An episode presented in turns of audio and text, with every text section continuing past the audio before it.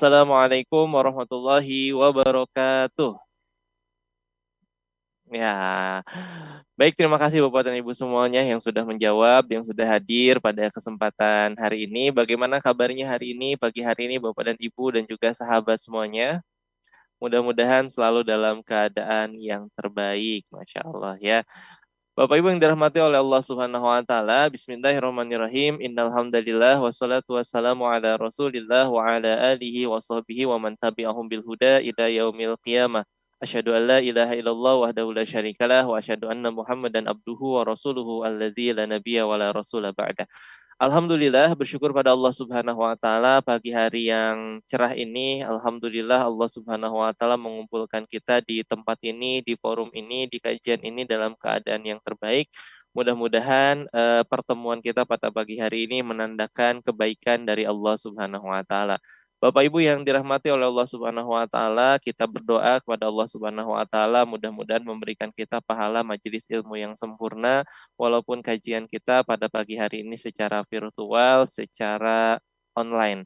Bapak Ibu dan juga sahabat semuanya juga kita berdoa kepada saudara-saudara kita, doakan saudara-saudara kita terkhusus eh, sahabat cinta Quran dan orang-orang baik para donatur di kita bisa supaya Allah Subhanahu wa taala selalu memberikan kebaikan, keberkahan, kesehatan, panjang umur dan juga uh, keluarga yang sakinah, mawadah dan juga warahmah. Kita doakan jika ada di antara saudara-saudara kita, terkhusus sahabat cinta Quran dan orang-orang baik di kita bisa, mudah-mudahan Allah berikan uh, kesehatan bagi yang sakit, Allah Subhanahu wa taala bantu selesaikan setiap berbagai permasalahan, yang sedang melanda dan juga bagi saudara kita yang saat ini sedang diuji bencana alam, kemudian gunung meletus dan lain sebagainya. Terkhusus di sini alhamdulillah ada saudara kita seiman dari Malaysia yang kemarin uh, sempat banjir, masya Allah ya tidak menyangka gitu ya Malaysia bisa banjir masya Allah atas kuasa Allah mudah-mudahan Allah berikan kesabaran diselamatkan uh, kemudian Allah berikan solusi dan juga jalan keluar dan sebaik-baik penolong adalah pertolongan dari Allah Subhanahu wa taala. Selamat datang Bapak dan Ibu yang sudah join. Nah, silahkan bisa langsung bergabung. Bapak Ibu yang belum sholat, silahkan sholat terlebih dahulu ya. Nah, baik. Kemudian yang kedua, salawat dan dan salam kita curahkan pada junjungan kita Nabi besar Muhammad Shallallahu Alaihi Wasallam, pada keluarganya, pada sahabatnya dan mudah-mudahan sampai pada kita selaku umatnya. Kita bersolawat terlebih dahulu pada Nabi, Bapak dan Ibu semuanya. Allahumma salli ala Muhammad wa ala ali Muhammad wa ala ahli baitihi. Dan Bapak dan Ibu yang dirahmati oleh Allah Subhanahu wa taala, kajian subuh pada pagi hari ini yaitu didedikasikan untuk program Syiar Quran Project yang diselenggarakan oleh Cinta Quran Foundation dan juga kitabisa.com. Nah, Bapak dan Ibu juga bisa sama-sama mendukung terlibat dalam kegiatan Syiar Quran Project ini nah melalui kanal kitabisa.com atau Bapak Ibu bisa diklik di kolom YouTube ada di kolom deskripsi. Nah, syafa.at slash uh, kajian uh, slash subuh gitu ya atau Bapak dan Ibu bisa uh, klik di kolom komentar di Zoom yaitu syafa.at slash subuh. Atau Bapak Ibu bisa mendownload uh, aplikasi kitabisa.com khusus untuk program Syiar Quran Project yaitu ktbs.in slash cinta Quran. Nah, insya Allah Bapak dan Ibu semuanya, pagi hari ini menjadi pagi hari yang terbaik untuk kita semuanya, karena malaikat mendoakan yang terbaik untuk Bapak Ibu yang mengeluarkan hartanya di jalan Allah, yang melakukan infak dan sedekah di pagi hari di waktu subuh.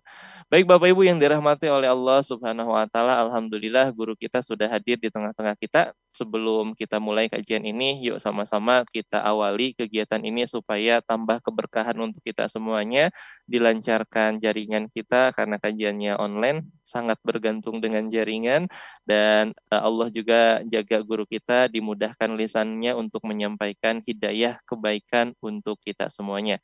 Bibarakati umul Quran, Al-Fatihah. أعوذ بالله من الشيطان الرجيم.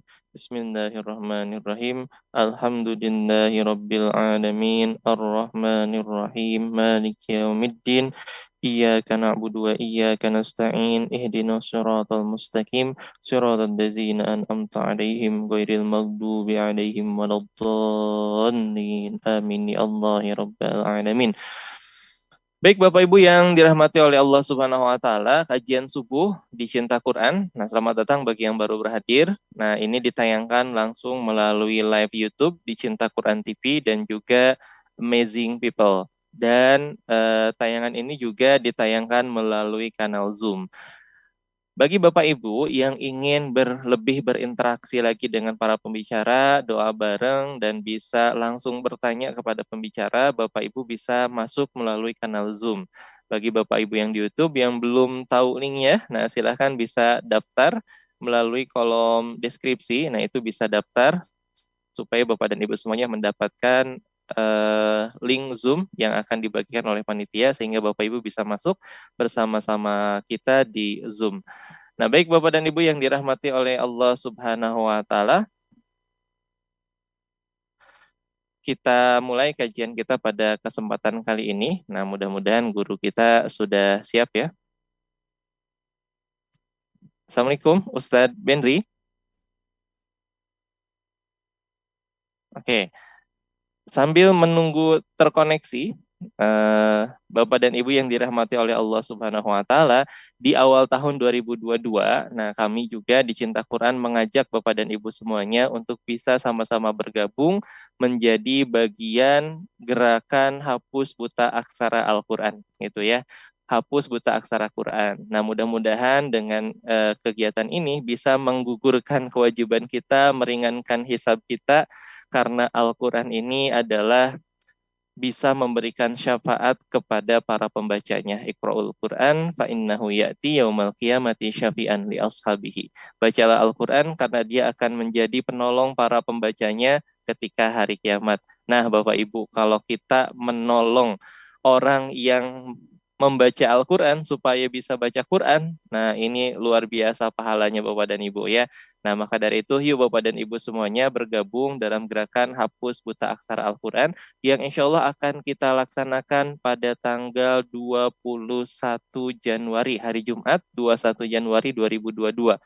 Uh, lama banget ya, masih lama ya, betul, masih lama, masih tahun depan ya, masih 20 eh, 27 harian Bapak Ibu. Tapi mudah-mudahan dengan Bapak Ibu hadir sekarang, walaupun ternyata uh, umur tidak sampai ke tanggal 21, tapi insya Allah mendapatkan pahala kebaikan penggugur dosa-dosa kita, meringankan hisab kita saat Allah tanya apa yang sudah kita lakukan terhadap saudara-saudara kita yang belum bisa baca Quran. Jadi Bapak dan Ibu semuanya, insya Allah dalam satu hari akan dibacakan 100 ribu juz Al-Quran yang diikuti oleh 100 ribu partisipan. Dan ini kesempatan bagi Bapak dan Ibu semuanya untuk mendapatkan keberkahan pembacaan Quran 100 ribu juz, Masya Allah. Kita bacanya cuma satu juz, Bapak Ibu ya, tapi insya Allah karena rame-rame, bareng-bareng, berjamaah, dibacakan bersama 100 ribu orang, mudah-mudahan satu juz yang kita bacakan, ini pahala keberkahannya bisa 100 ribu juz, Masya Allah. Kalau 100 ribu juz,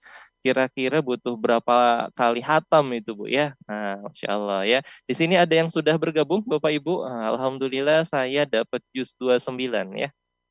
Nah, ini udah ada linknya di kolom komentar di live chat YouTube dan juga di chat di Zoom sudah ada. Nah, gb ghbaki.link. Nah, seperti itu. Gabungnya dari sekarang Bapak dan Ibu semuanya karena ada program-program kebaikan yang bisa Bapak dan Ibu semuanya ikuti termasuk bisa bersiraturahim di grup WhatsApp yang insya Allah ada 500 grup WhatsApp gitu ya. Dan Bapak Ibu ngapain aja nanti di grup WhatsApp? Nah, kita akan prioritaskan sebelum hari H ada pembelajaran-pembelajaran intensif yang dikhususkan untuk uh, salah satunya adalah perbaikan bacaan Quran kita, yaitu memperbaiki makhorijul hurufnya. Alhamdulillah Pak Agus Widianto, Jus 25. Alhamdulillah ya Mbak Fitriani jusnya jus satu gitu ya alhamdulillah silakan bapak ibu sudah banyak yang sudah mulai bergabung mengisi grup-grupnya di GHB Aki jangan sampai bapak dan ibu semuanya ketinggalan ya mendapatkan keberkahan pahala kebaikan pembacaan Quran serentak 100 ribu juz. Satu hari 100 ribu juz bersama 100 ribu partisipan. Alhamdulillah ya. Ibu Sri Devi, Alhamdulillah juz 14 ya, Masya Allah ya. Kang uh, Ade boleh diputarkan uh, tayangan GHBAKI sambil menunggu guru kita uh, terkoneksi dengan kita. Nah, supaya lebih semangat lagi nih Bapak Ibu yang hadir pada hari ini mengikuti gerakan hapus buta aksara Quran bersama 100 ribu partisipan ya. Ade boleh dibantu untuk bisa diputarkan tayangan video dan juga poster GHB Aki untuk menambah semangat ya menuju hari H bagi Bapak Ibu yang sudah bergabung maupun yang belum tergabung ya. Mudah-mudahan dengan gerakan kecil ini meringankan hisab kita dan bisa membantu saudara-saudara kita dalam gerakan hapus buta aksara Quran dan kita berharap tanggal 21 Januari 2022 setiap tanggal 21 gitu ya dijadikan sebagai hari hapus buta aksara Quran di dunia. Oke, alhamdulillah uh, guru kita sudah bergabung di tengah-tengah kita, sudah nungguin saat kita dari kemarin nih, Ustaz. nungguin Ustaz Bendri. Insyaallah.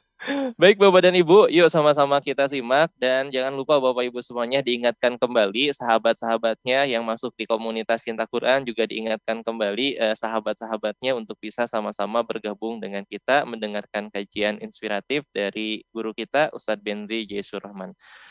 Nah, kepada Ustadz Bendri kami persilahkan. Tafadol Ustadz. Insyaallah ya jazakallah khair ya akhina Ustadz Abdullah Ramli. Bismillahirrahmanirrahim. Assalamualaikum warahmatullahi wabarakatuh. Waalaikumsalam warahmatullahi Innal hamdalillah nahmaduhu wa nasta'inuhu wa nastaghfiruh wa na'udzu billahi min syururi anfusina wa sayyiati a'malina. Man yahdihillahu fala mudhillalah wa may yudlil fala hadiyalah. Ashhadu an la ilaha illallah wahdahu la syarikalah wa ashhadu anna Muhammadan abduhu wa rasuluhu alladzi la nabiyya ba'dah wa la haula wa la quwata illa billahi wa ba'd. Ikhwatal iman a'azakumullah jami'an. Bapak, ibu-ibu, saudara-saudariku semua, ikhwan wa akhwat fillah, khususnya yang tergabung dalam eh, jamaah kajian Cinta Quran, Cinta Quran TV, juga beberapa channel YouTube lainnya yang terkoneksi dengan cinta Quran seperti Amazing Muharram, ya, Amazing People, uh, dan juga uh, yang lainnya. Baik juga yang saat ini juga menyimak via Zoom, di mana pun saat ini berada di subuh hari ini, Alhamdulillah Allah izinkan kita bisa bersua di pagi yang kita berharap kita menjadi salah satu dari umatnya Rasulullah SAW yang mendapatkan kucuran barokah yang didoakan oleh baginda Nabi Allahumma barik li ummati fi bukuriha. Ya Allah berkahilah umatku di pagi harinya. Hari-hari manusia itu sejatinya adalah hari-hari mengumpulkan keberkahan. Dan manusia yang diberkahi pastinya adalah manusia yang hidupnya bahagia. Dan manusia yang diberkahi juga manusia yang dimuliakan layaknya nabi. Sebagaimana kita tahu nabi dan semua para nabi adalah makhluk Allah yang diberkahi hidupnya. Sebagaimana apa yang disampaikan Nabi Allah Isa alaihissalam di hadapan kaumnya di dalam surat Ali Imran eh, surat Maryam ayat 30 wa ja'alani mubarakan ainama kuntu dan aku dijadikan oleh Allah diberkahi hidupku di mana pun aku berada. Jadi Nabi Isa satu di antara contoh makhluk Allah yang diberkahi hidupnya di mana pun berada. Maka sungguh beruntung orang-orang yang selalu berusaha mencari keberkahan. Dan di antara pintu-pintu keberkahan kita setiap harinya adalah menghidupkan waktu pagi dengan amalan-amalan yang dicintai Allah. Setelah kita sholat subuh berjamaah, kemudian kita melanjutkan dengan zikir, tilawah, dan di antaranya kajian yang mendekatkan kita sama Allah. Dan itulah yang kita harapkan apa yang didoakan Nabi kepada umatnya yang melaksanakan apa yang tadi kami sebutkan mudah-mudahan itulah bagian dari kucuran keberkahan dari Allah dan membuat hidupnya bahagia. Dan di kesempatan di Eh, pagi ini kita akan membahas tema khususnya terkait dengan pendidikan anak-anak tarbiyatul aulad fil Islam. Khususnya bagaimana kita mempersiapkan diri ya menjadi orang tua di akhir zaman. Di antara ciri yang akan kita hadapi khususnya fenomena di akhir zaman dan itu adalah sesuatu yang akan kita jadikan sebagai pegangan. Rasulullah bersabda, "Sayati 'alan nas sanawatun khadda'at." Akan datang kepada manusia tahun-tahun penuh hoax ya.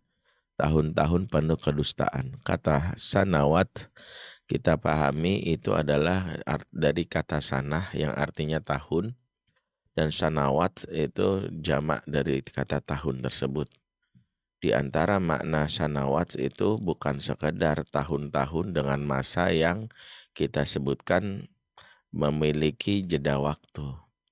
Sanawat adalah jamak dari kata sanah yang artinya tahun yang menunjukkan masa-masa yang panjang, tahun-tahun yang dilewati oleh manusia, tahun-tahun yang panjang alias masa-masa yang akan dilalui manusia menghadapi berita hoax, itu adalah masa-masa yang akan panjang. Jadi kalau kita selalu mengatakan ini berita hoax nih menjelang pilpres, menjelang pilkada, nggak ada urusannya dengan pilpres dan pilkada. Yang disebut masa kedustaan itu atau masa hoax itu akan dilalui manusia akhir zaman sampai puncak hoaxnya itu adalah munculnya dajjal. Jadi dajjal itu sebesar-besarnya hoax yang akan dialami oleh manusia di akhir zaman. Nah, kita hari ini dicicil barang siapa yang diberikan kemampuan daya furqon untuk berada dalam kebenaran, maka dia nanti bisa menghadapi fitnah dajjal. Ya, jadi sekarang kita nih dicicil bisa nggak? Di antara fenomena yang disebut akhir zaman itu, bagaimana Rasulullah memberitahu cirinya yusaddiqu hal kadhib. Mereka akan membenarkan orang-orang yang berdusta. Sungguh ngeri. Di akhir zaman ini orang-orang berdusta, pengkhianat agama yang justru menjauh dari agama justru dibenarkan. Ya, kita anggap wah bener nih, logis, dianggap logis argumentasinya bagus gitu. Banyak sekali sebagian orang tua yang kadang-kadang mudah tunduk atas argumentasi yang sejatinya justru bertentangan dengan syariat. Ya, dan ini sesuatu yang akan dihadapi oleh manusia di akhir zaman. Misalnya kata-kata yang menunjukkan bahwa misalnya menghargai kemanusiaan bagus. Misalnya biar bagaimanapun dia adalah manusia yang harus kita mulia hormati ya walaupun kita berbeda keyakinan tapi dia butuh untuk dimuliakan. Itu kata-kata yang sering kali dipakai tapi nanti nilai-nilai yang lain masuk di dalamnya. Dan itu yang sekarang banyak nanti kita akan hadapi. Wa yukadzibu fiha dan mereka akan mendustakan orang-orang yang jujur. Orang-orang yang jujur yang berkata kebenaran, jelas sumbernya, dalilnya ada, itu bahkan didustakan. Nah, inilah yang akan tantangan yang dihadapi manusia di akhir zaman, para orang tua, terlebih nanti anak-anak kita yang lahir di zaman tersebut. Anak-anak kita salah satu tantangannya berada di akhir zaman kemampuan membedakan mana yang sejatinya sesuai dengan yang Allah perintahkan mana yang tidak mana yang sebenarnya hak mana yang batil ya karena di masa-masa itu kesannya itu yang kebaikan itu yaitu menjadi sesuatu yang dicemooh. Itu yang nanti akan kita hadapi. Orang baik, orang benar dicemooh. Ya, tapi orang yang jahat ya, orang-orang yang buruk ya didukung ya, bahkan dengan kata-kata yang kadang-kadang membuat orang lain itu kesannya bahwa orang-orang penjahat itu dianggap sebagai pahlawan. Ya dengan misalnya kata-kata ya gua sih nggak munafik ya gue berzina sama dia tapi gue nggak munafik kata-kata itu familiar seolah-olah uh, gue respect nih sama orang-orang yang berbuat dosa tapi dia berani mengatakannya di depan umum ya ya untuk dia jujur apa adanya. Kata-kata munafik diselewengkan maknanya. Ya, padahal kata-kata munafik itu yang kita pahami nifak itu di antaranya ada nifak amali. Di antara nifak amali itu adalah orang-orang yang sejatinya ya berperilaku di luar dari janji syahadatnya kepada Allah, yaitu pelaku-pelaku maksiat. Jadi pelaku maksiat bahkan yang melakukan maksiat terang-terangan termasuk orang-orang yang dalam hadis sebut mujahirin. Mujahirin itu orang-orang yang hamba-hamba Allah yang aibnya ditutup eh malah bongkar sendiri. Sungguh Allah murka kepada al-mujahirin. Inilah salah satu yang sekarang ditipu-tipu ya, ditipu-tipu. Dan itu juga lah kenapa sesuai dengan hadis yang lain maka kita dapati fakta-fakta di akhir zaman selain munculnya fenomena hoax yang membuat kita mudah sekali masuk dalam perangkap yang buruk, ditambah lagi di akhir zaman itu ya Rasulullah menyebutkannya akan muncul generasi yang disebut generasi ima'ah, generasi ikut-ikutan. Generasi yang mudah sekali ya tidak memiliki prinsip hidup Kata Rasulullah SAW dalam hadis riwayat Tirmizi yang dihasankan oleh Syekh Al-Albani, Rasulullah bersabda, La takunu ima'ah. Ya, jangan kamu jadi generasi ima'ah. Jadi ima'ah itu kata Rasulullah, ima'ah itu generasi yang uh, ditanya oleh sahabat, ya mahyal ima'ah. Apa itu ima'ah? Ima'ah itu kata Rasulullah taqulun in ahsanan nahsu ahsana wa in zolamu zolamna. Yaitu orang-orang yang berkata kalau orang lain baik saya ikut-ikutan baik. Kalau orang lain buruk saya ikut-ikutan buruk gitu. Nah, ini generasi akhir zaman yang kita khawatirkan ima'ah itu yang kalau yang lain baik ya gue mau ikut baik. Ya kalau yang buruk ya gue ikut nggak memiliki prinsip nggak memiliki yang namanya kekokohan. Ya generasi yang mungkin fenomena itu disebut alay ya. Alay itu mungkin udah jadul disampaikan. Alay itu kalau istilahnya anak melayang. Ya, saya sering membandingkan namanya alay itu anak melayang.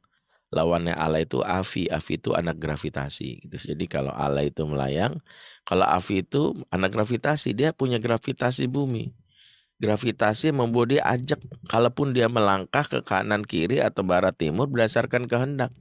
Kalau Allah ini enggak. Dia tergantung trennya. Busana hijab lagi ngetren sekarang dengan hijab. Tapi tidak dipahami sebagai hakikat dari hijab. Hijab itu dipahaminya sebagai fashion. Makanya kalau hijab sebagai fashion itu sudah kontra. Maaf, hijab kan tujuannya membatasi diri supaya apa?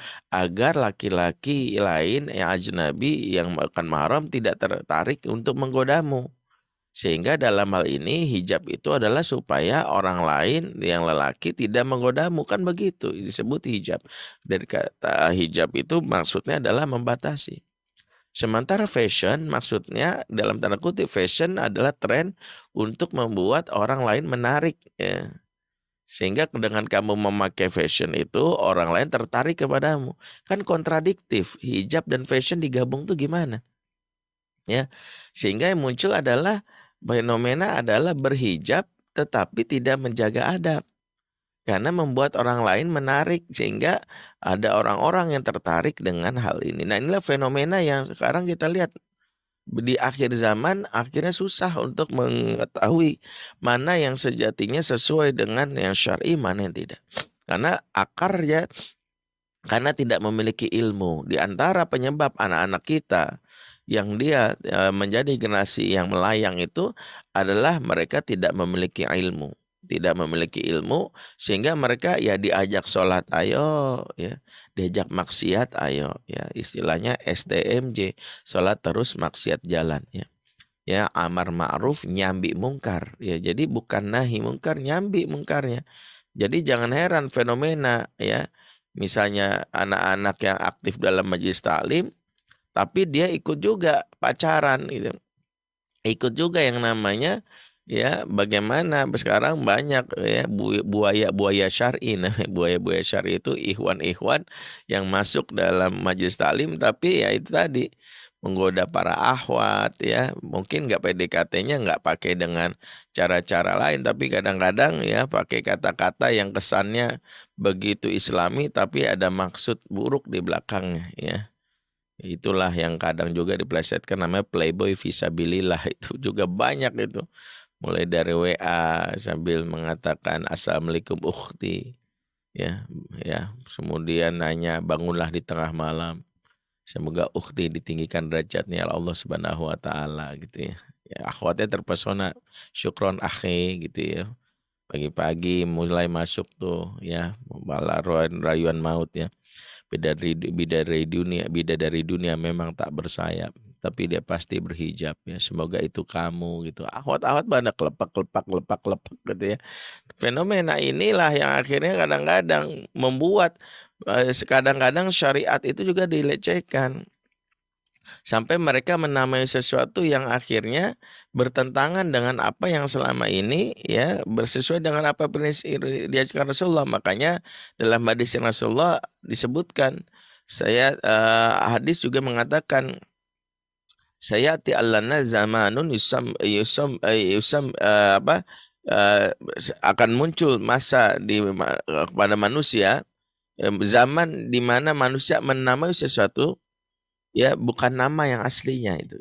Kira-kira gitu saya lupa maaf hadisnya. Tapi maknanya adalah akan datang pada manusia masa di mana seseorang menamai sesuatu bukan dengan nama aslinya.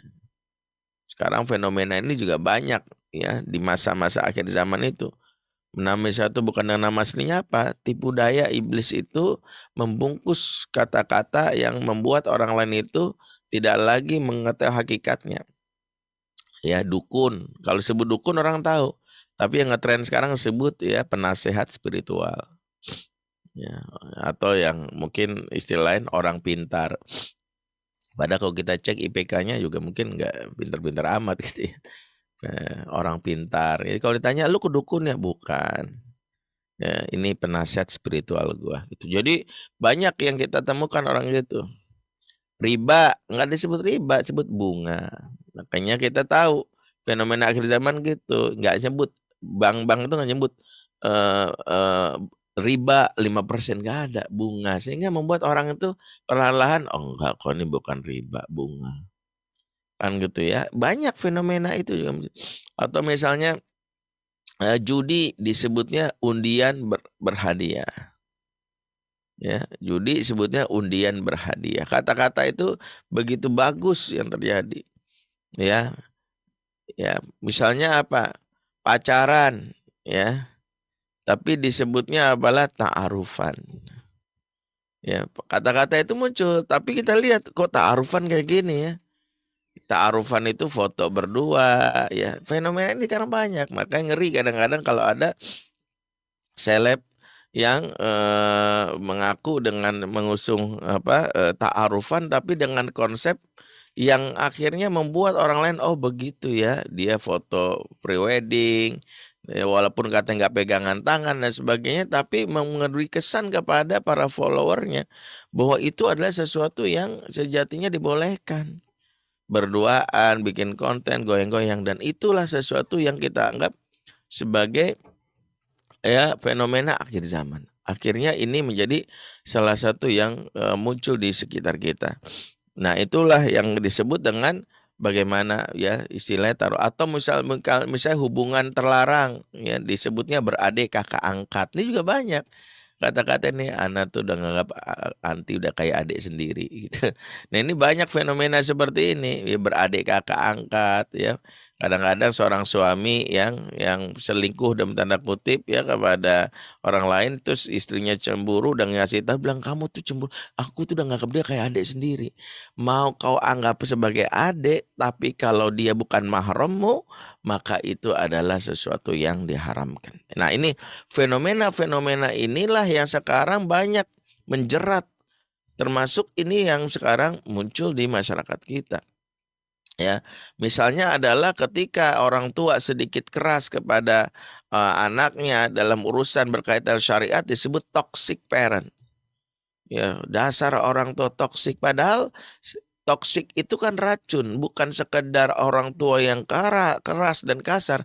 Di antara yang sekarang tidak pernah kita eh, siapkan atau pernah kita aware, ada orang tua yang kesannya lembut tapi toksik. Ya, misalnya apa? E, mama sih nggak apa-apa, kamu berganti kelamin asal kamu bahagia. Hmm, itu kan toksik. Nah, tubuh ini milikmu. Ya, kalau engkau menjaganya, tidak ada orang boleh menyentuhnya sesuai dengan izinmu. Ini toksik, kan lembut banget. Makasih mama, gitu ya. Hijab itu yang penting di hati, nak. Asal engkau sudah menghijab hatimu, ya itu pun lucu hijab itu kan menutupi. Jadi kalau hati ditutupi ya berarti hijab hati kan menutupi hati. Nggak dapat hidayah. Jadi kita dapat fenomena yang orang itu ya membungkus racun dengan sesuatu yang dikesankan adalah kesankan adalah baik sehingga anak-anak akan orang-orang akan melihat bahwa orang tua yang lembut, orang tua yang ini, tapi kata-katanya menawarkan pemikiran-pemikiran yang rusak itu juga toksik. Jadi ini fenomena-fenomena akhir zaman. Nah, kita sebagai orang tua harus aware dalam urusan ini. Di antaranya adalah bagaimana kita bisa membedakan. Bagaimana ini yang sesuai dengan Islam, mana yang tidak. Dan untuk bisa menjadi orang tua seperti ini, kita pun harus mengokohkan di antara yang Rasulullah ingatkan ya bagaimana fenomena akhir zaman? Yaitu adalah bersiap-siap diri kita untuk merasa terasing. Ya karena Rasulullah sudah ingatkan badaul islamu ghoriban. Islam itu awal mulanya gharib aneh asing. Fasayaudu ghoriban kama bada'a dan dia akan kembali merasa asing di akhir zaman sebagaimana awal mula dia datang ini juga menjadi sebuah isyarat bahwa memegang kokoh prinsip Islam, mendidik anak yang menjadi orang tua sesuai dengan prinsip Islam, maka Rasulullah menutup hadisnya dengan mengatakan fatuba lil guroba. Sungguh beruntung orang-orang yang merasa terasing, yang dianggap aneh. Fatuba. Kata tuba itu sebagian juga mengartikan selain kata maksudnya beruntung juga adalah hadiah kepada orang-orang yang berkokoh terhadap prinsip di akhir zaman yaitu orang-orang yang akan mendapatkan tuba itu itu maknanya itu di antara makna tuba itu adalah syajar atau tuba. Jadi nanti di surga ada sebuah pohon yang disebut syajar atau tuba. Pohon tuba apa tuh pohon tuba? Pohon yang dihadiahkan kepada orang-orang yang berselama di dunia dia begitu bahagia uh, kokoh terhadap prinsip uh, Islam ya yaitu pohon yang uh, dihidangkan dengan berbagai macam buah-buahan yang uh, bervariasi mix fruit. Jadi satu pohon aneka buah di dalamnya.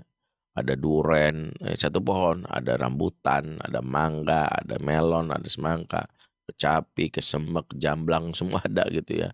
Ya, ada di dalam satu pohon dan itu bisa dinikmati. Nah, itulah salah satu hadiah yang disebutkan oleh Imam Nawawi kepada orang-orang yang komitmen dan konsisten terhadap apa yang sejatinya uh, dia uh, kokoh dan terhadap prinsip. Maka kita dapati salah satu yang kita bisa simpulkan dari hadis yang tadi kami ucapkan memberikan isyarat bahwa Allah Subhanahu wa taala apa Rasulullah memberikan apresiasi kepada orang-orang yang konsisten mau merasa dizolimi atau merasa terasing karena memegang terhadap prinsip. Bukanlah sesuatu yang mudah kita untuk misalnya menjadi orang tua akhir zaman dengan cibiran. Misalnya ketika anak-anak kita ya di akhir pekannya ya kita misalnya eh, dia tidak ke rumah, tidak keluar mal, malam mingguan. Kemudian muncullah kata-kata ya uh, cibiran ya, apalagi kalau anak kita udah remaja. Ya. Siap-siap menghadapi bulian, ada remaja laki-laki ganteng, keren, kemudian juga visi apa uh, pinter, kemudian yang lain punya pacar, malam mingguan dia enggak. Muncullah bisik-bisik tetangga dengan mengatakan jangan-jangan uh, homo gitu ya. Ya, kok aneh ya laki-laki nggak punya pacar. Kata-kata itu gampang banget disematkan. Ya, kata-kata itu muncul ya dan menunjukkan betapa memang cibiran bulian. Ya, ada orang tua yang misalnya ya tidak memberikan handphone kepada anaknya ya pada saat anaknya belum siap karena untuk memberikan handphone itu ada patokan dalam Islam yang harus kita jaga ternyata tetangga ke mana-mana itu orang tua pelit banget sih. Ngakunya oh, kerjanya bapaknya di ini tapi masa beliin handphone anak aja nggak bisa. Kita aja nih. Nah itu ada kata-kata itu yang nanti akan dipersiapkan. Yang membuat kita harus kita pahami. Anak perempuan kita cantik ya tapi justru nggak punya akun uh, sosmed ya. Uh, kemudian acara-acara festival nggak pernah ikut nggak pernah ikut lomba kemudian dicibir. Ih anaknya si ini begini amat ya. Anak saya mah oh, udah cantik ya. Saya langsung jadi bikinin apa akun Instagram follower langsung banyak. Terus dia langsung bergaya keren dong anak saya dong. Masa anaknya bapak itu buat apa tuh cantik? Langsung disebutlah anak-anak yang cantik, perempuan yang cantik yang seolah-olah eh, tapi tidak punya yang namanya follower banyak langsung dianggap ya anak-anak yang cupu ya anak-anak yang minder. Sekarang ini definisi anak-anak yang eh, apa minder anak perempuan itu diidentikan dengan anak-anak yang pemalu. Padahal malu dan minder sesuatu yang berbeda. Sesuatu yang sekarang kita beda. Jadi kita ini banyak disuguhi dengan kata-kata yang membuat kadang-kadang kita memikir, idah ikut-ikutan aja. Itulah ikut-ikutan. Sehingga kita tuh mengikuti apa kata orang bukan karena ilmu. Makanya salah satu yang bisa membuat kita bisa mendidik anak di akhir zaman ini menjadi orang tua akhir zaman tidak ada bekal yang bisa kita lakukan kecuali dengan ilmu kecuali dengan ilmu. Makanya secara tersirat dalam surat Az-Zumar ya Allah berfirman uh, ayat berapa ya Allah mengatakan uh, Allah mengatakan uh, apakah sama ya orang-orang yang uh, memiliki ilmu hal yastawil ladzina ya'lamu wal hal yastawil ladzina ya'lamuna wal ladzina wal ladzi hal hal yastawil ladzina la ya'lamuna wal ladzina la hal yastawil ladzina ya'lamuna wal ladzina Eh, waladina ya'lamun. Apakah sama orang-orang yang memiliki pengetahuan gitu.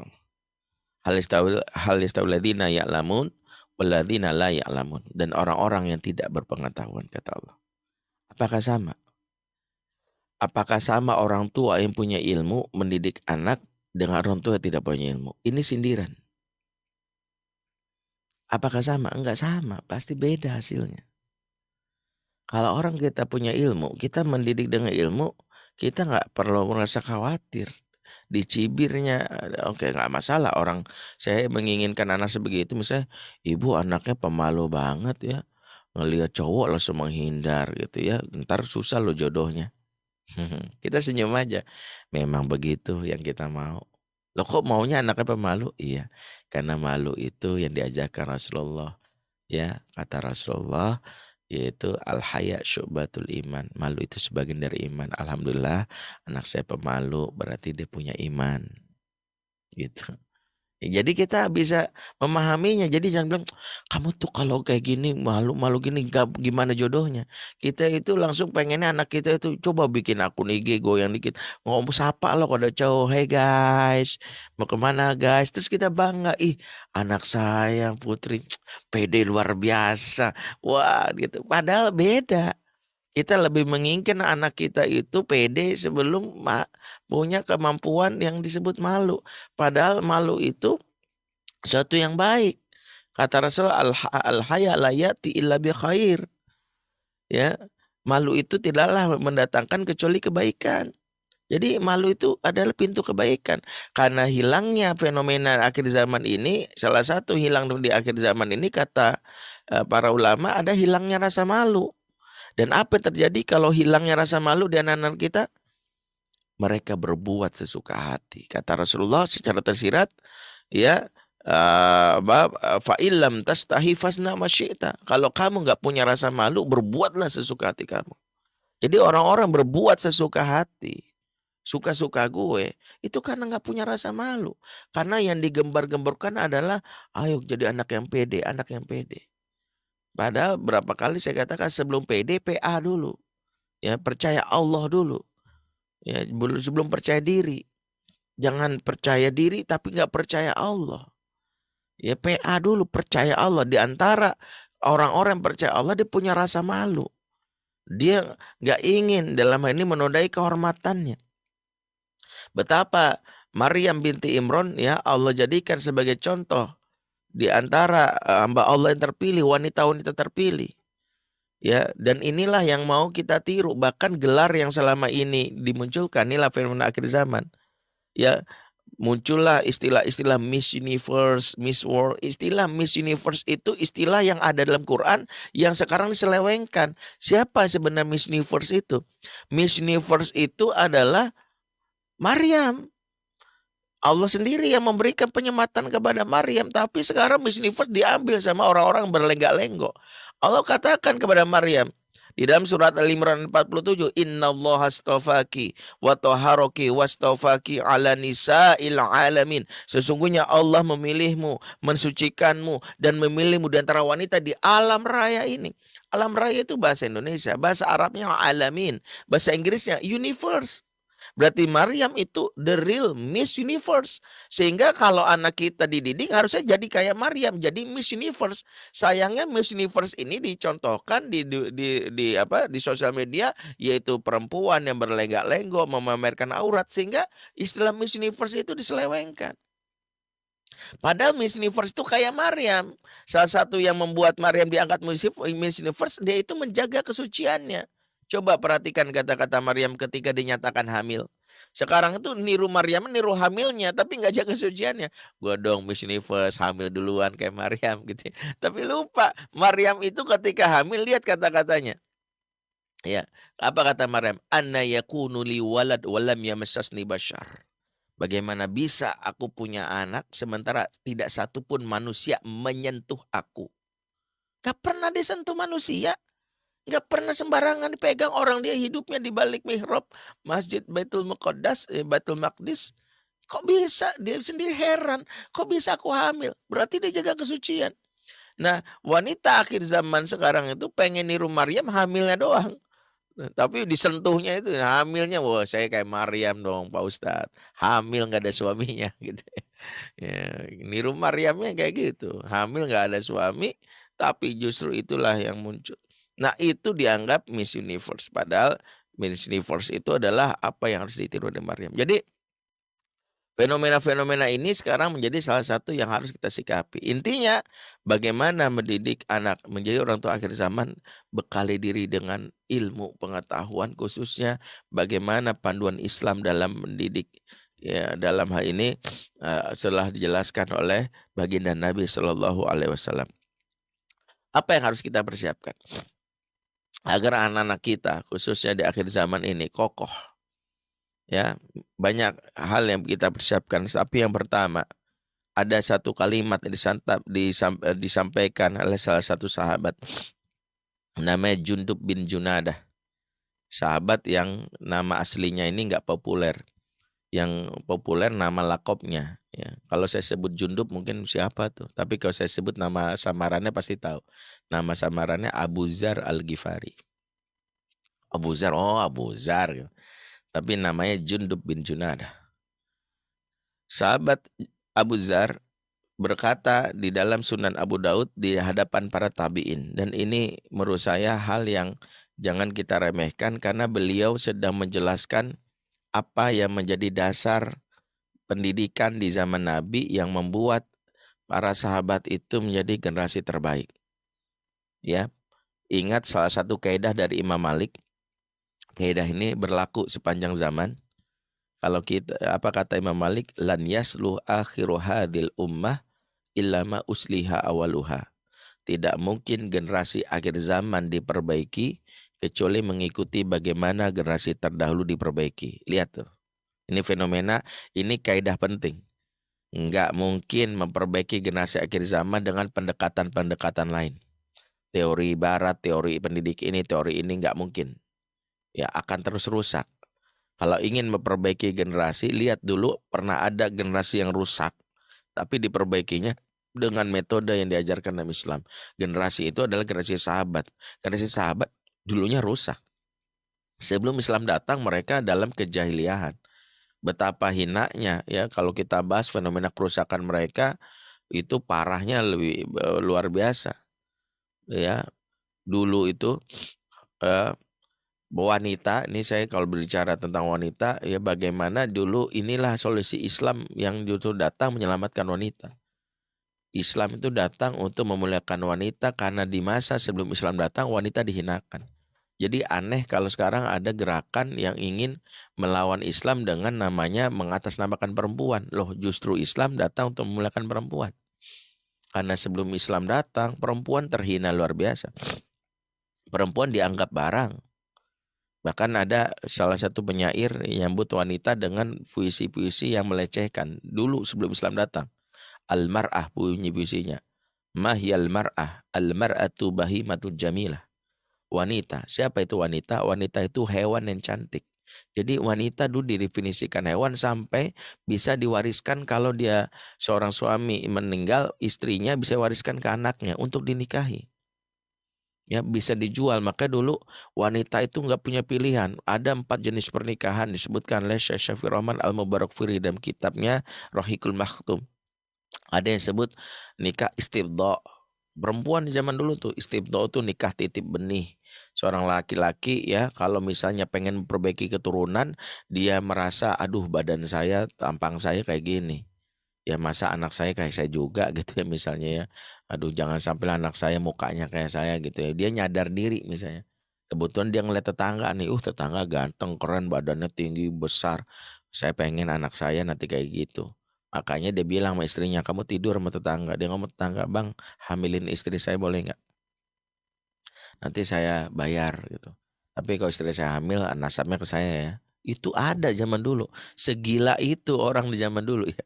Sekarang ya nggak tahu kalau ada kayak gini. Dulu jadi jadi buah budaya loh. Berarti kan dulu lebih parah lagi. Di zaman sebelum Islam datang tuh wanita tuh hancur banget itu. Istibdo namanya. Ada lagi nama nikah istibdal nikah tukeran istri ada tukeran gitu. Jadi kalau udah bosen, bang boleh nggak tukeran istri ini? Istri saya umur 50 ya tuker 25an dua ada nggak tuh? Jadi enak banget deh nyari yang 25an. Jadi ditukar sembarangan dan istri wanita nggak punya hak di masa itu. Betapa Islam datang itu untuk menghancurkan budaya-budaya yang menghinakan wanita. Ada namanya pernikahan sebut rigot. Rigot itu seorang wanita cara mencari suami ya dengan cara uh, mem memasang-pasang pengumuman dengan cara uh, memasang bendera kuning.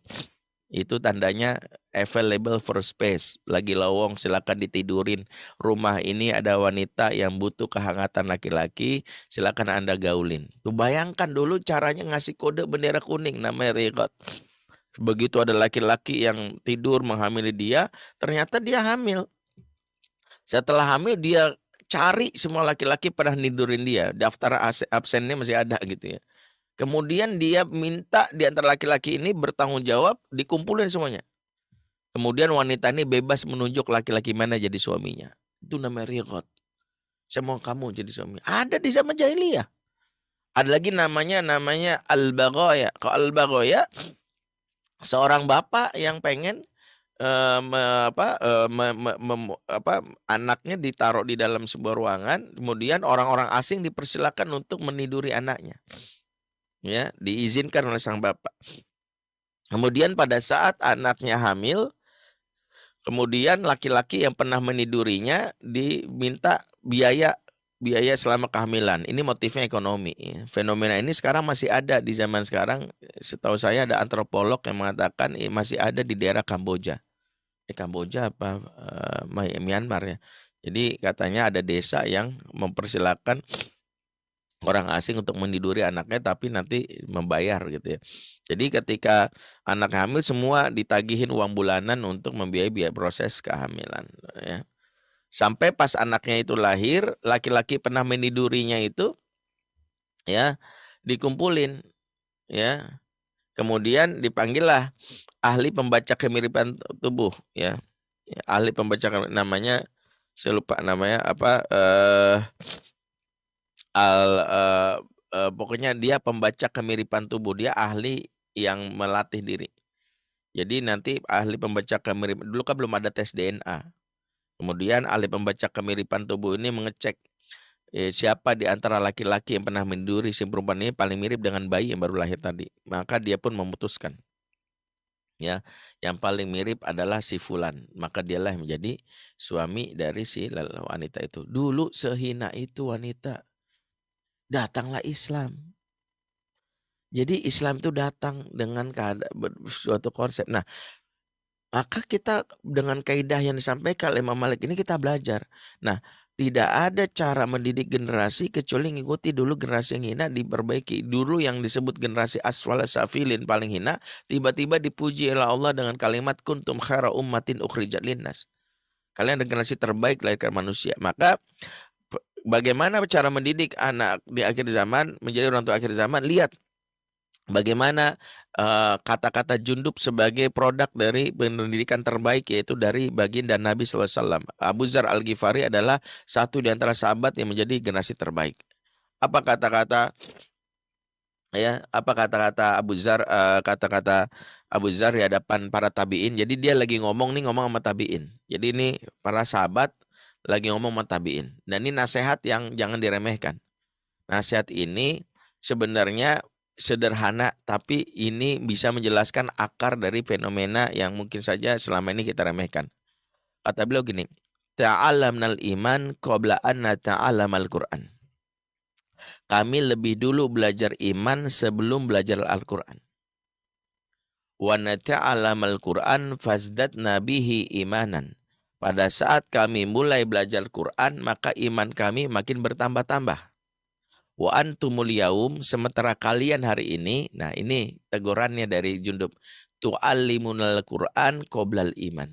Lebih dulu belajar Quran sebelum belajar iman. Kita kaget loh. Berarti salah dong kalau belajar Quran. Enggak salah. Tapi ketika iman itu belum dikenalkan dari kecil, belum dikenalkan, maka Quran tidak memberikan bekas kepada jiwa. Inilah yang dibahas oleh Syekh Al-Utsaimin dalam syarahnya. Antara iman dan Quran dalam ayat ini bukan sesuatu yang dipertentangkan, bukan. Tapi iman mengenalkan Allah sebagai Rob yang mengatakan kepada eh, kita lewat firmannya. Sementara Quran itu sebagai kalamnya. Kenalkan dulu yang berbicara sebelum apa pembicaraannya. Maksudnya gitu. Maksudnya gini. Orang kalau jelas siapa yang ngomong, isinya apa aja pasti beda rasanya. Saya punya contoh kawan ya waktu SMP dia ngefans banget sama grup band. Nah ya ini masa-masa kecil saya juga lah masa jahiliyah gitu ya. Ngefans sama grup band.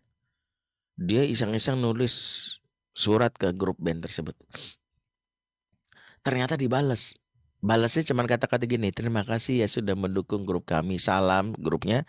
Kemudian ditandatanganin dia dapat itu bangga banget dibawa ke kelas surat benar-benar surat gua dong dapat ini ya Allah ya Allah senang banget gitu ya. teman-teman kan pada penasaran akhirnya ngeliat mana mana mana emang ada tanda tangannya ternyata ditarik-tarik robek Oh marah luar biasa dia bilang gitu. Dia bilang, "Alu sih, wah dibedi sampai digini. Robek kan alu bener gitu. Terus teman-teman bilang gini, "Alah, baru gitu-gitu doang, ntar juga gue tulis gue ganti." Apa kata dia? Enak aja lo. Bukan masalah tulisannya. Bukan masalah isinya. Yang nulisnya beda bukan lo gitu. Artinya apa? Kalau anak-anak kita kita kenalkan Allah, maka Allah yang kita kenalkan itu akan membuat Quran yang tersampaikan dari lisan kita akan seperti yang dialami oleh para sahabat dalam surah Al-Anfal.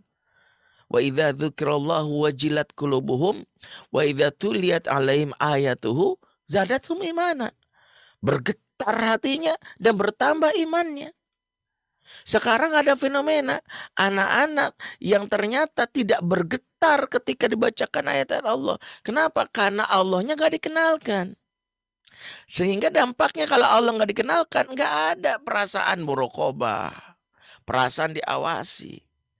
Sehingga salah satu warning, nah ini pentingnya Fenomena akhir zaman warningnya adalah sudahkah engkau mengenalkan tauhid karena tauhid itu adalah asal akar dari bagaimana anak kita terjaga.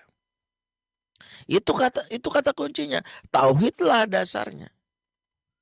Ini ngomong-ngomong kajian kita ini kan durasinya pendek ya. Sementara materi mendidik orang tua akhir zaman itu bisa sampai berjilid-jilid itu ya. Ya, nanti saya izin nggak sampai panjang. Pilihannya dua. Pilihannya kalau ini kita bahas berseri atau pilihannya saya habisin aja sekalian itu tapi bahasnya nggak dalam gitu aja. Ya gitu aja nanti saya izin dulu nih sama MC kita.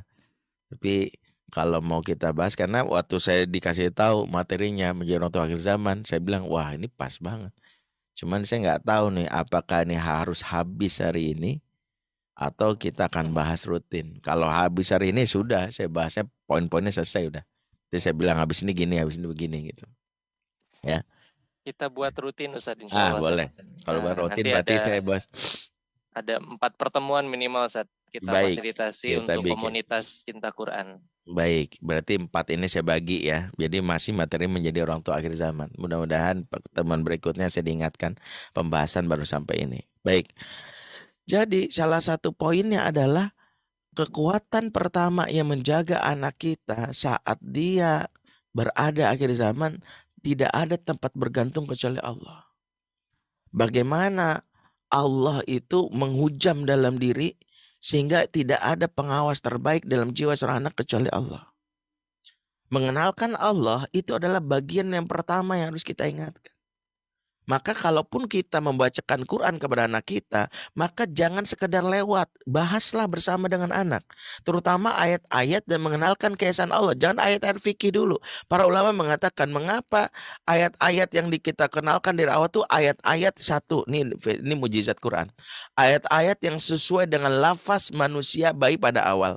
Bayi beronggaknya kalau ngomong itu selalu yang pertama disebut a a a a A, A. Yang kedua, bayi nggak bisa ngomong panjang, singkat-singkat dan biasanya di akhir ayat. Ya. Makanya kenapa yang sebut anak-anak tuh senangnya nyebut mama. Ya saya punya eh, apa eh, apa eh, teman ya dia ngajarin manggil dirinya Umi Umi tapi anaknya manggil mama. Bapak. Karena bayi itu rongga pertama ngomong tuh selalu konsonan eh, vokalnya a a a dan itu sesuai dengan ayat-ayat yang diturunkan Allah yang pas untuk bayi. Apa? Qul a'udzu birob Qul huwallahu ahad a Allah somad lam yalid wa lam yulad wa lam yakul ahad. Singkat-singkat karena di ayat-ayat pendek ini kita mengenalkan tauhid.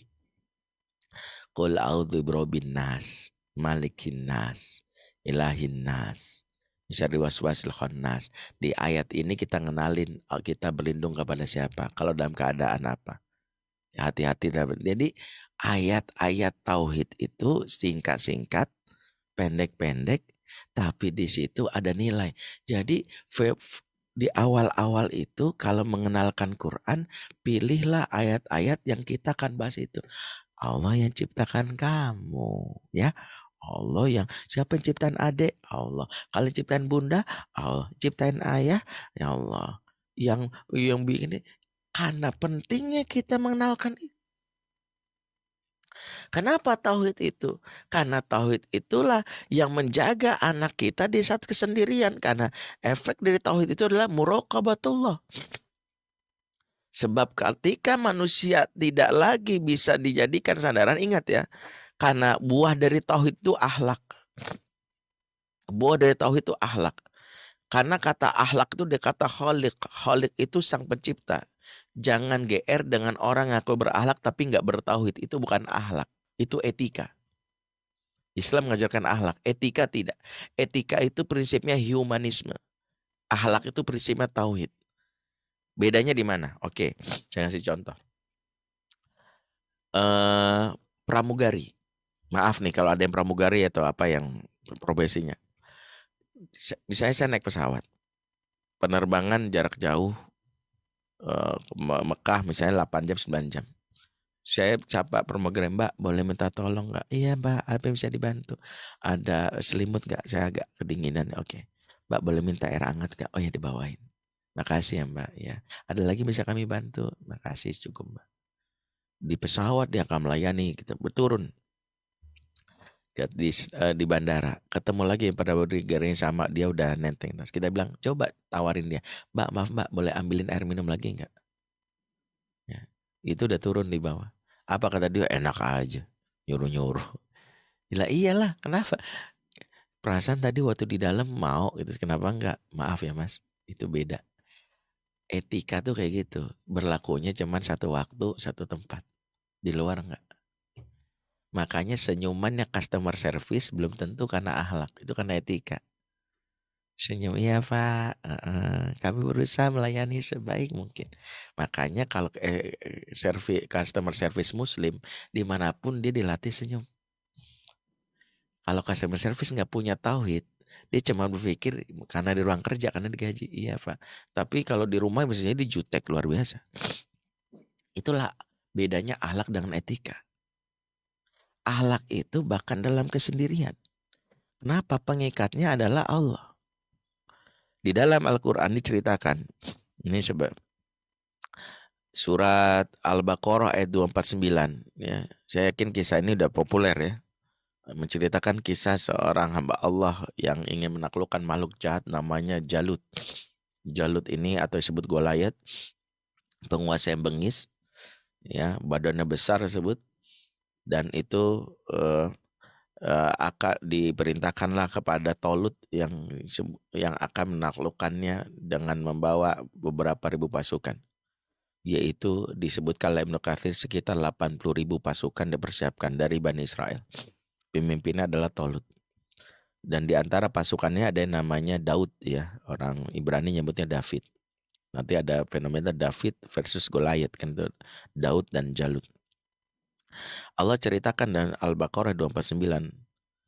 Falamma fasala talutu bil junudi qala innallaha mubtalikum binahar. Tatkala uh, Tolut sampai di pinggiran sungai, dia menguji pasukannya dengan kata-kata begini. Innallaha mubtalikum binahar. Allah menguji kalian dengan sungai ini. Jadi pasukannya ini sebutkan berjalan kaki kurang lebih tiga hari tiga malam tiga hari dua malam untuk menaklukkan Jalut dalam keadaan lelah payah kemudian kantong airnya udah habis menemukan sungai.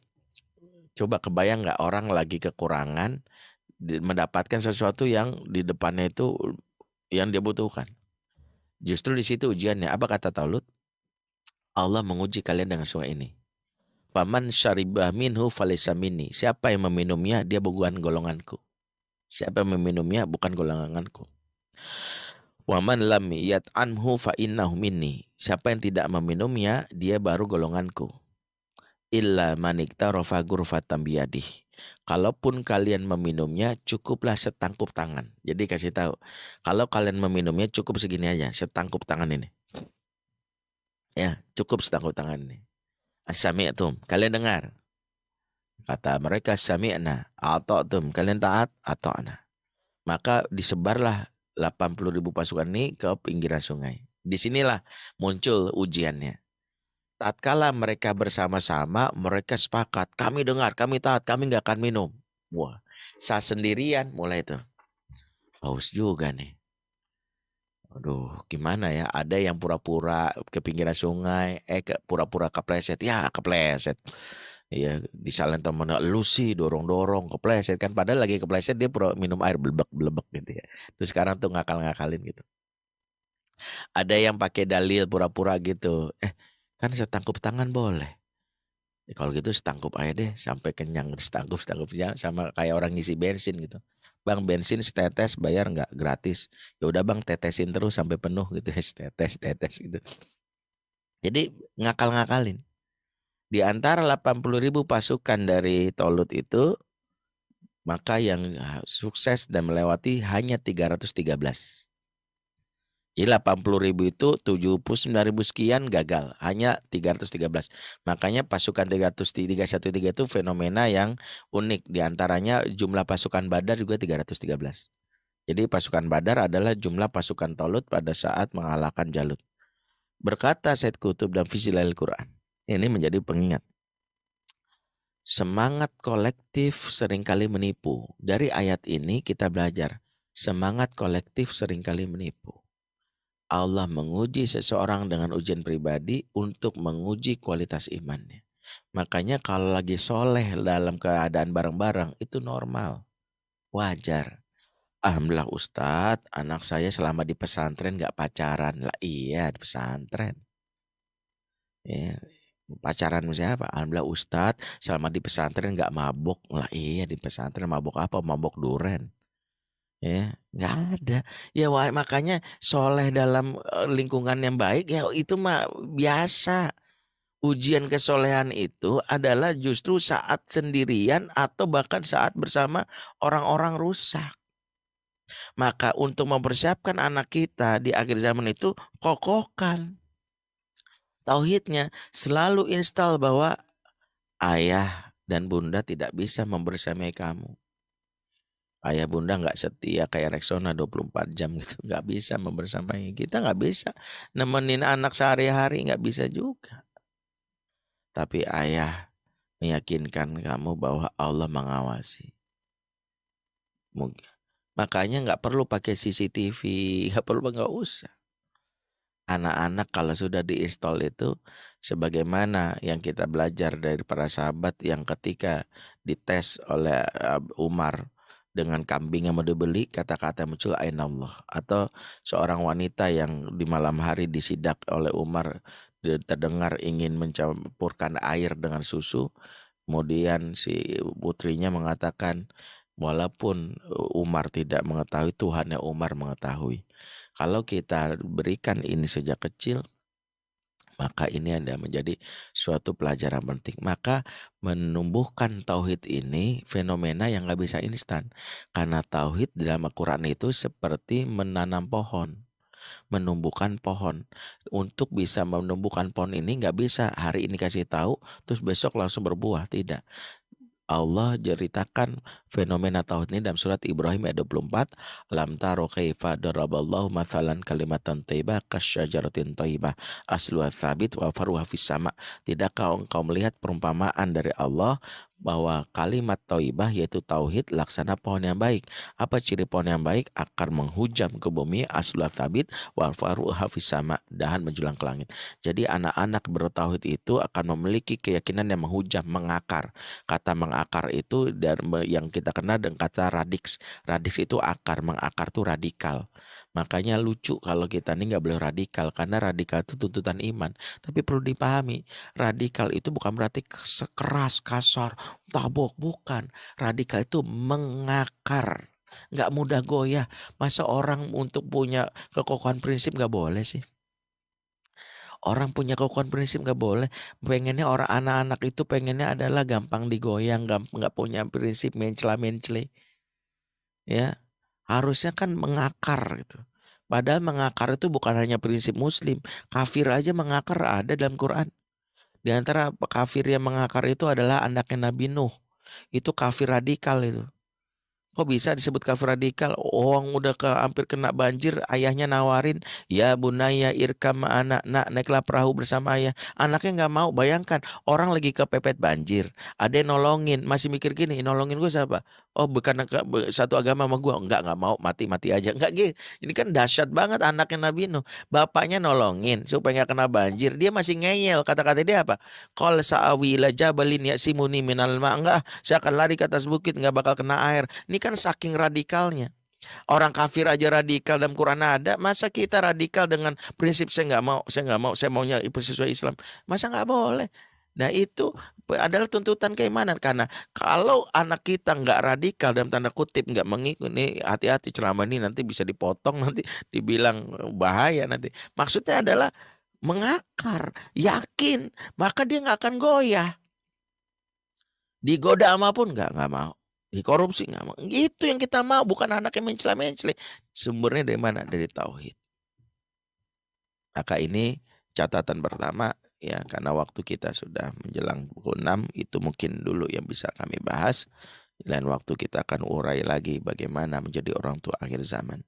khususnya mempersiapkan anak kita menghadapi apa yang tadi sudah kita bahas fenomena ya eh, apa masa-masa penuh kedustaan, mas penuh hoax, kemudian fenomena tentang ya apa eh, mencela-mencela dengan generasi yang sebut eh, imaah atau alay tadi.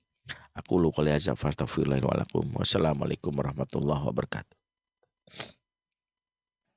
Ya, Waalaikumsalam warahmatullahi wabarakatuh. Masya Allah ya, ini makin seru saja. Dan uh, info dari panitia Ustadz insya Allah untuk kajian subuh nanti akan ada beberapa series dari Ustadz Bendri. Insya Allah mudah-mudahan kita doakan nih Ustadz Bendri di tengah-tengah kesibukannya uh, masih bisa meluangkan waktu untuk kita sahabat-sahabat semuanya di Cipta Quran. Atau Bapak Ibu bisa ikuti uh, jadwalnya Ustadz Bendri melalui Instagram beliau ya. Nah, baik Bapak dan Ibu, silahkan eh, di yang ingin bertanya silahkan bisa melalui kolom komentar atau bisa bertanya langsung kepada Ustadz Bendri. Insya Allah ada waktu 5 sampai dengan 10 menit ya. Insya Allah Bapak dan Ibu semuanya Ustadz Bendri akan menemani kajian subuh kita. Eh, mudah-mudahan bisa sebulan dua kali itu ya. Insya Allah. Silahkan Bapak Ibu yang ingin bertanya. Alhamdulillah sudah ada yang masuk dari Mas Rul ya, Masya Allah. Baik, izin bertanya Ustadz. Nah, untuk penerapan syariat seperti hijab pada anak-anak idealnya usia berapa? Karena beberapa anak kadang gampang gerah. Nah, ya. akhirnya kita disalahin karena dianggap terlalu dini maksa ngajarin. Ya, ya memang kaidahnya kita harus memiliki prinsip tahapan berdakwah itu atau kepada anak itu memang adalah tadarruj bertahap. Kaidah para ulama adalah likuli amalin waktuha wa likuli waktin amaluha. Setiap hmm. amal itu ada masanya, setiap masa ada amalannya.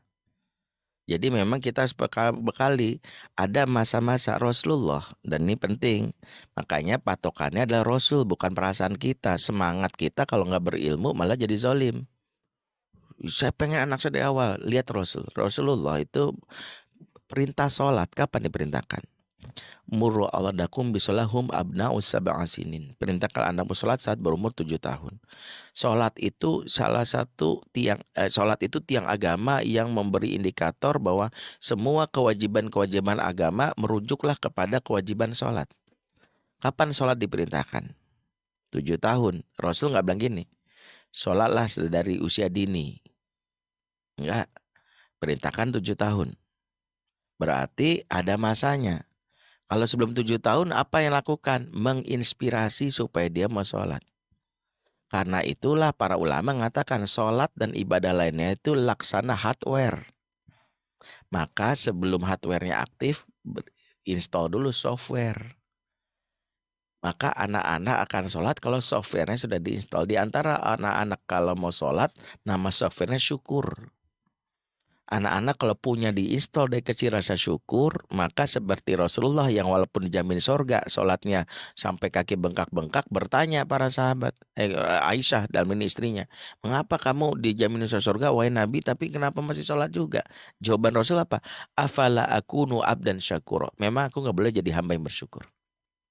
Itu tentang sholat. Eh, kita nggak bahas itu. Berarti kalau hijab gimana? Sebelum perintahkan hijab, install dulu rasa malu karena rasa malu itulah yang menjadi basic anak kita mau berhijab. Karena kalau hijab itu dipaksain nggak ada rasa malu, hijabnya malu-maluin. Berhijab tapi goyang TikTok ya, menampilkan bagaimana goyang-goyang erotis karena nggak ada rasa malu. Makanya 0 sampai 7 nggak usah bilang, "Eh, adek malu." Ih, ayah nggak mau lihat. Itu kan aurat. Ini lucu, ada anak lagi keluar goyang-goyang seksi yang ngikutin salah satu artis malah i konten-konten lucu anak bunda, lucu anak bunda dibikin, diviralin. Gimana anak kita akhirnya memahami tentang konsep hijab? Orang dia diapresiasi gara-gara goyang, diapresiasi begitu dia misalnya meniru para artis-artis yang lagi famous. Yang kita lakukan apa? Malu dulu. Ah, malu. Makanya nanti pembahasan ini akan kita bahas insya Allah di pertemuan-pertemuan berikutnya. Bagaimana salah satu fenomena mendidik anak akhir zaman itu menginstal rasa malu. Rasa malu itu yang harus kita kenali. Jadi anak-anak akan berhijab kalau rasa malu itu sudah kita install dan menginstal rasa malu itu dikenalin ya dan malu itu di saat yang tepat jangan malu gini ih masa nggak bisa bedakan antara membuat anak malu dengan minder. Ini juga salah satu yang kadang-kadang salah kaprah.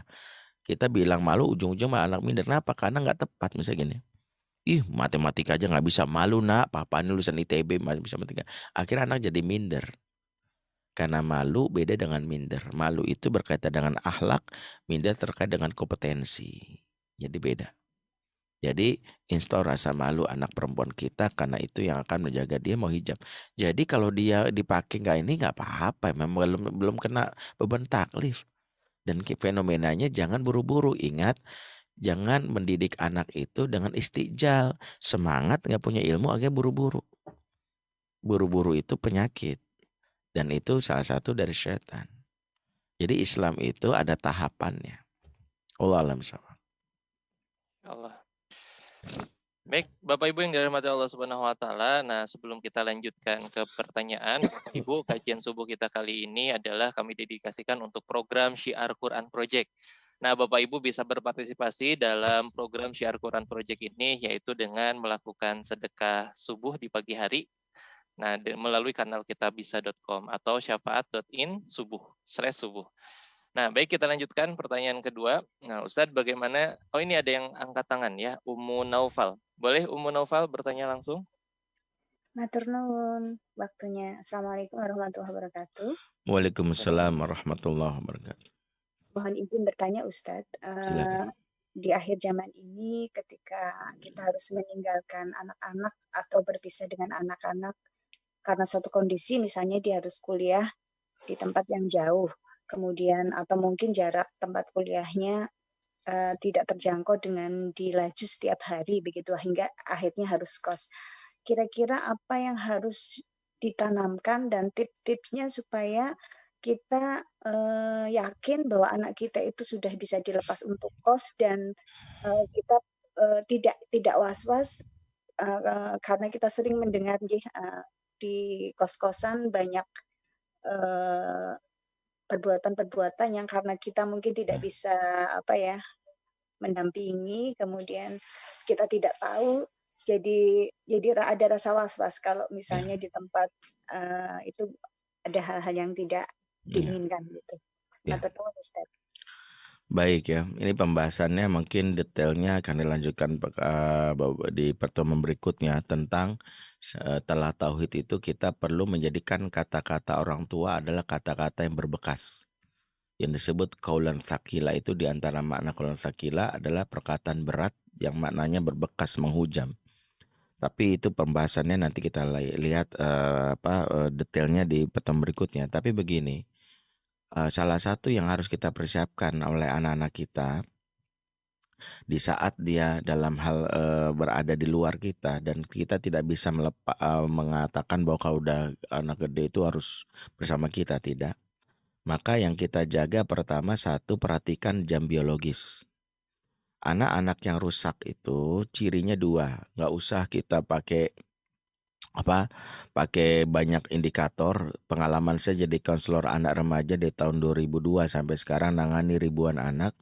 Saya simpulkan anak bermasalah itu cirinya dua. Kalau ciri dua ini ada waspada kita. Pertama bangunnya suka kesiangan. Ya yang kedua lama di kamar mandi. Makanya pastikan dua ini saja sebenarnya. Kenapa bangun suka kesiangan? Indikator rusak. Satu Orang yang suka bangun kesiangan berarti ada masalah jam biologis dia menyelisihi sunatullah. Waja'anna laila libasa waja'anna nahara ma'asya. Kami jadikan malam sebagai pakaian untuk uh, istirahat. Kami jadikan siang sebagai tempat mereka beraktivitas. Sunnahnya malam itu istirahat, ya siang itu beraktivitas. Anak-anak yang bermasalah silakan cek berantakan malamnya begadang, siangnya kalau libur tidur ya molor bu subuh saat ini yang pertama ya kenapa menyelisih sunatullah kata Syekh Abdullah Nasilwan dalam kitabnya Tarbiyatul Ulafil Islam siapa yang menyelisih sunatullah dia mudah menyelisih sunnah yang lain menyelisih hukum Allah yang lain Makanya anak-anak yang mudah melawan aturan Allah biasanya ada hubungannya dengan subuh kesiangan. Itu indikator sederhana. Jadi pastikan anak kita subuhnya nggak kesiangan dan jangan tidur habis subuh. Itu aja. Yang kedua lama di kamar mandi. Kenapa? Karena Rasulullah mengingatkan inna hadhil hasyusha muhtadoroh. Sungguhnya toilet dan kamar mandi tempat yang dikunjungi jin dan syaitan. Di toilet, kamar mandi tempat dikunjungi jin dan syaitan.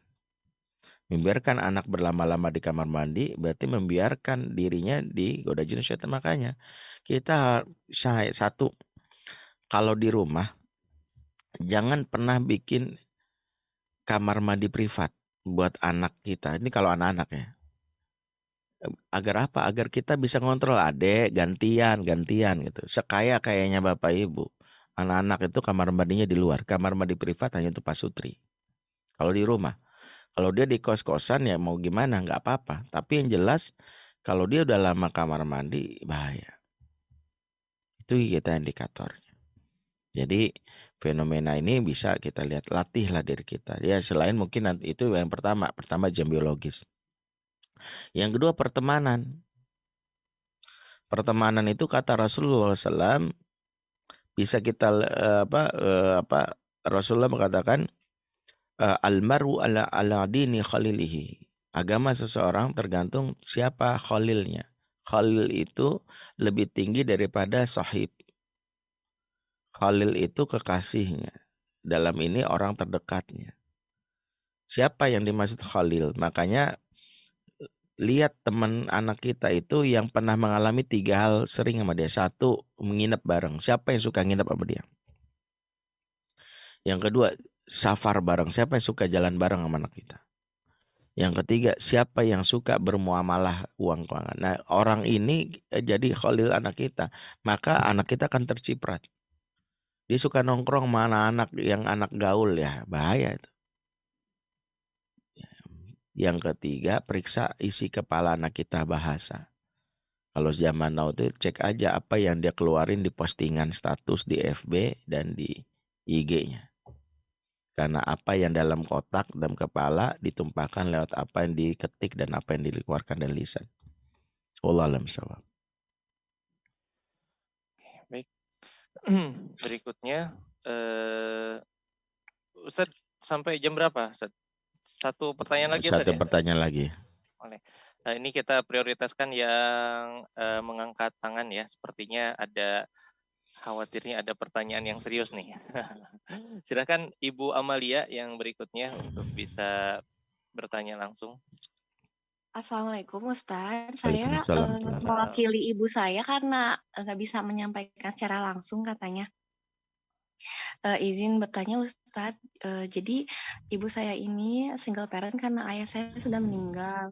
Uh, dengan itu menampingi anak-anaknya, uh, mendapat kesulitan karena, uh, terutama anak perempuan yang kedua kalau saya sudah menikah dan saya pun merasa kesulitan untuk mengganti, uh, dan menambah peran, uh, membantu ibu saya mendidik adik-adik saya gitu, terutama an adik saya yang perempuan ini satu-satunya, dia itu sulit sekali diajak ngobrol. Dan kalau misalnya disuruh sama ibu saya selalu seringnya tidak pernah langsung berkata iya gitu saat Jadi pendekatan seperti apa yang ibu saya tuh harus lakukan gitu agar adik saya itu mau diajak ngobrol gitu terus uh, yeah.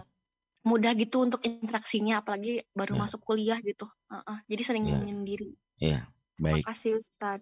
Baik tentang mendidik anak perempuan, kami pekan depan ada kelas khusus kalau mau bergabung, tapi kuota yang terbatas malam hari ya.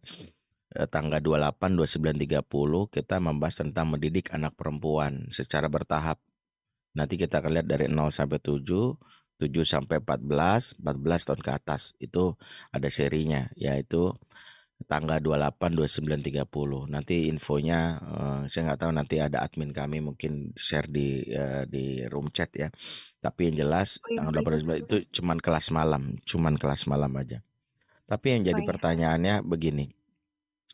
Fenomena single parent memang saya apresiasi betul single parent itu dia memiliki beban emosi terutama setelah kematian suami dan kan, mungkin karena beban emosi ini ada hal-hal yang menjadi kebutuhan anak yang tidak diantisipasi. Di antara hal yang tanpa disadari dan kita tidak menyalahkan ibu kita, tentu ini adalah perjuangan luar biasa ketika dia tidak menghadiran sosok ayah atau suami dari si ibu itu mempengaruhi sang anak di antaranya ketika sang ibu ingin berperan sebagai ayah tapi kehilangan apa yang menjadi kebutuhan anak yaitu apa? Yaitu adalah merasa nyaman dan dekat.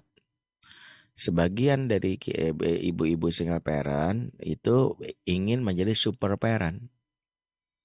Padahal konsep super parent itu nggak ada. Yang benar ada smart parent.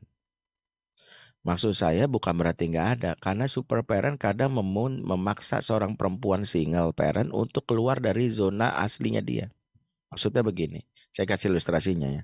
Ada wanita nyetir mobil. Kemudian di tengah jalan ada batu menjatuh jatuh menghalangi. Besar batunya. Nggak bisa sempit banget jalannya. Dia turun, dia dorong batu tersebut, tidak batunya itu akhirnya keluar. Dia akhirnya senang masuk dalam mobil, tapi begitu nyetir baru sadar ternyata encok dia kambuh nih. Aduh, akhirnya dia dipanggil orang, ah, terus sakit nih gitu. Karena dia memaksa jadi super, ada yang akhirnya terjadi sama dia, di batas kemampuan dia. Kalau smart, dia turun, dia ngukur. Waduh, dorong batu, natin. Mas, tolong dong. Ini, ah, langsung didorong bapak-bapak ini bantu dikasih uang kopi selesai dia masuk mobil nyetir selesai nah maksudnya gimana di antara fenomena wanita single parent dia memaksakan diri mengambil semua peran termasuk peran bapak yang hilang di antara peran bapak itu yang ibu-ibu lompati adalah pengen tegas sama anak supaya anak terjaga, tapi anak perempuan akhirnya nggak nyaman. Padahal posnya seorang wanita itu adalah pos rasa nyaman, al-wadud dalam hadis. Ketika anak ganis kita dia nggak dapet rasa tenang nyaman sama ibunya, dia melampiaskannya keluar ke FB sebagainya. Coba satu Bersekapan terakhir kali anak wanita kita tertawa bersama kita. Tertawa sama ibunya, ngobrol yang asik-asik. Mama tadi masih ya kamu ada-ada aja. Yang kedua, kapan terakhir kali ibu menyeka air matanya sedih menangis atau mengatakan, iya anak mama sedih. Ketika masa dua masa ini hilang, nggak pernah ketawa bareng dan tidak ada menyeka air mata, orang lain masuk. Sehingga hindari nasihat dulu. Yang dibutuhkan anak di umur ini connection before correction. Anak-anak butuh koneksi dulu sebelum dikoreksi. Dia sudah sering dinasihatin, memang nggak butuh nasihat, dia butuh dicintai dulu. Saya ngisi kajian, tapi koneksi saya jelek. Saya ngomong ke mana kemari, ke sana kemari, pasti pada, Ustadz ngomong apa sih? Ustadz ngomong apa sih? Gak bisa. Nah, makanya itu juga di eh, menjadi salah satu faktornya. Nah, jadi penjelasan yang paling memungkinkan adalah kembalikanlah fitrah keibuan, satu jalin koneksi, bikin anak wanita kita nyambung. Eh, memang begini, kesannya membuat dia itu dibiarkan kebaikan, bukan dibiarkan. Kita berstrategi. Karena kalau dia sudah merasa nyaman, dicintai, mudah diarahkan. Dan kalau orang sudah apa diberikan cinta yang kuat, dia pasti akan mudah diarahkan. Walaupun dia bandel-bandel ke mana, suatu saat dia akan kembali karena cinta punya rumus. Ya, cinta akan membawamu kembali di sini. Ya, ntar dia akan kembali lagi. Jika tidak hari ini mungkin nanti. Ya, jadi mungkin kalau yang ikut kajiannya ada di akun IG at fatherman titik id. Ya ya yeah, atau nanti nggak tahu saya di grup apa di room chat nanti admin kami mungkin menyampaikan. Sudah ada di room chat Ustaz? Ya ya di room chat. Di YouTube ada yang nanya nggak bisa saya jawab ya hmm, ya nanti di YouTube nah kita sematkan juga ya Baik, eh, Bapak Ibu dan juga sahabat semua saat ini sepertinya satu pertanyaan lagi saat ini. Silakan. Eh, dari saya saat karena Ustadz buka kelasnya baru mendidik anak perempuan nih saat karena ada yang nanya juga nih. Eh, anak laki-laki gimana? Mungkin udah, bisa dijawab udah Lebih susah mendidik anak perempuan atau anak laki-laki? Enggak ada yang susah kalau berilmu. Enggak oh, pasti susah kalau berilmu gitu. Uh, anak laki-lakinya kapan, Zed? Ah, belum tahu kapan jadwalnya karena anak laki-laki udah batch ke 12 atau ke 11 ya. Ini ini kalau yang pendidikan perempuan kan batch ke 8. Ya, itu pun sekarang mencocokkan jadwal dengan pembicara satu lagi guru saya Ayah Irwan juga kita kita berdua ngisinya. Tapi yang jelas uh, mudah-mudahan nanti ada uh, wak, apa waktunya dikabari. Saya juga belum bisa memastikan kapan. Yang jelas insya Allah pendidikan laki-laki dan perempuan itu uh, bisa kita bahas juga nanti mungkin suatu saat di sini dalam konteksnya bukan pelatihan ya karena kalau di kelas itu kita ada konsep memahami atau kajian mungkin saya, saya urai sedikit saja tentang bagaimana konsep mendidik anak laki dan lain waktu lah. Oh ya, wallahualam.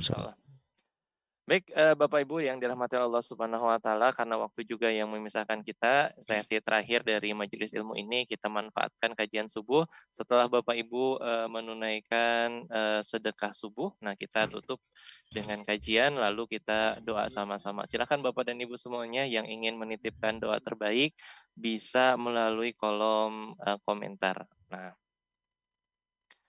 Ya, silakan Bapak Ibu yang ingin mengikuti kelas beliau, nah bisa mendaftar melalui s.id slash daftar MAP8 ya ada linknya di atas tinggal diklik. Nah Bapak Ibu ada tiga pertemuan intensif bersama Ustadz Bendri dan juga Ayah Irwan. Ya ada dua pembicara hebat nih Bapak Ibu ya Nah, kemudian Bapak Ibu yang masih belum menunaikan untuk sedekah subuh, Bapak Ibu bisa berpartisipasi dalam program Syiar Quran Project, ada di kolom chat room juga di syafa.at slash subuh.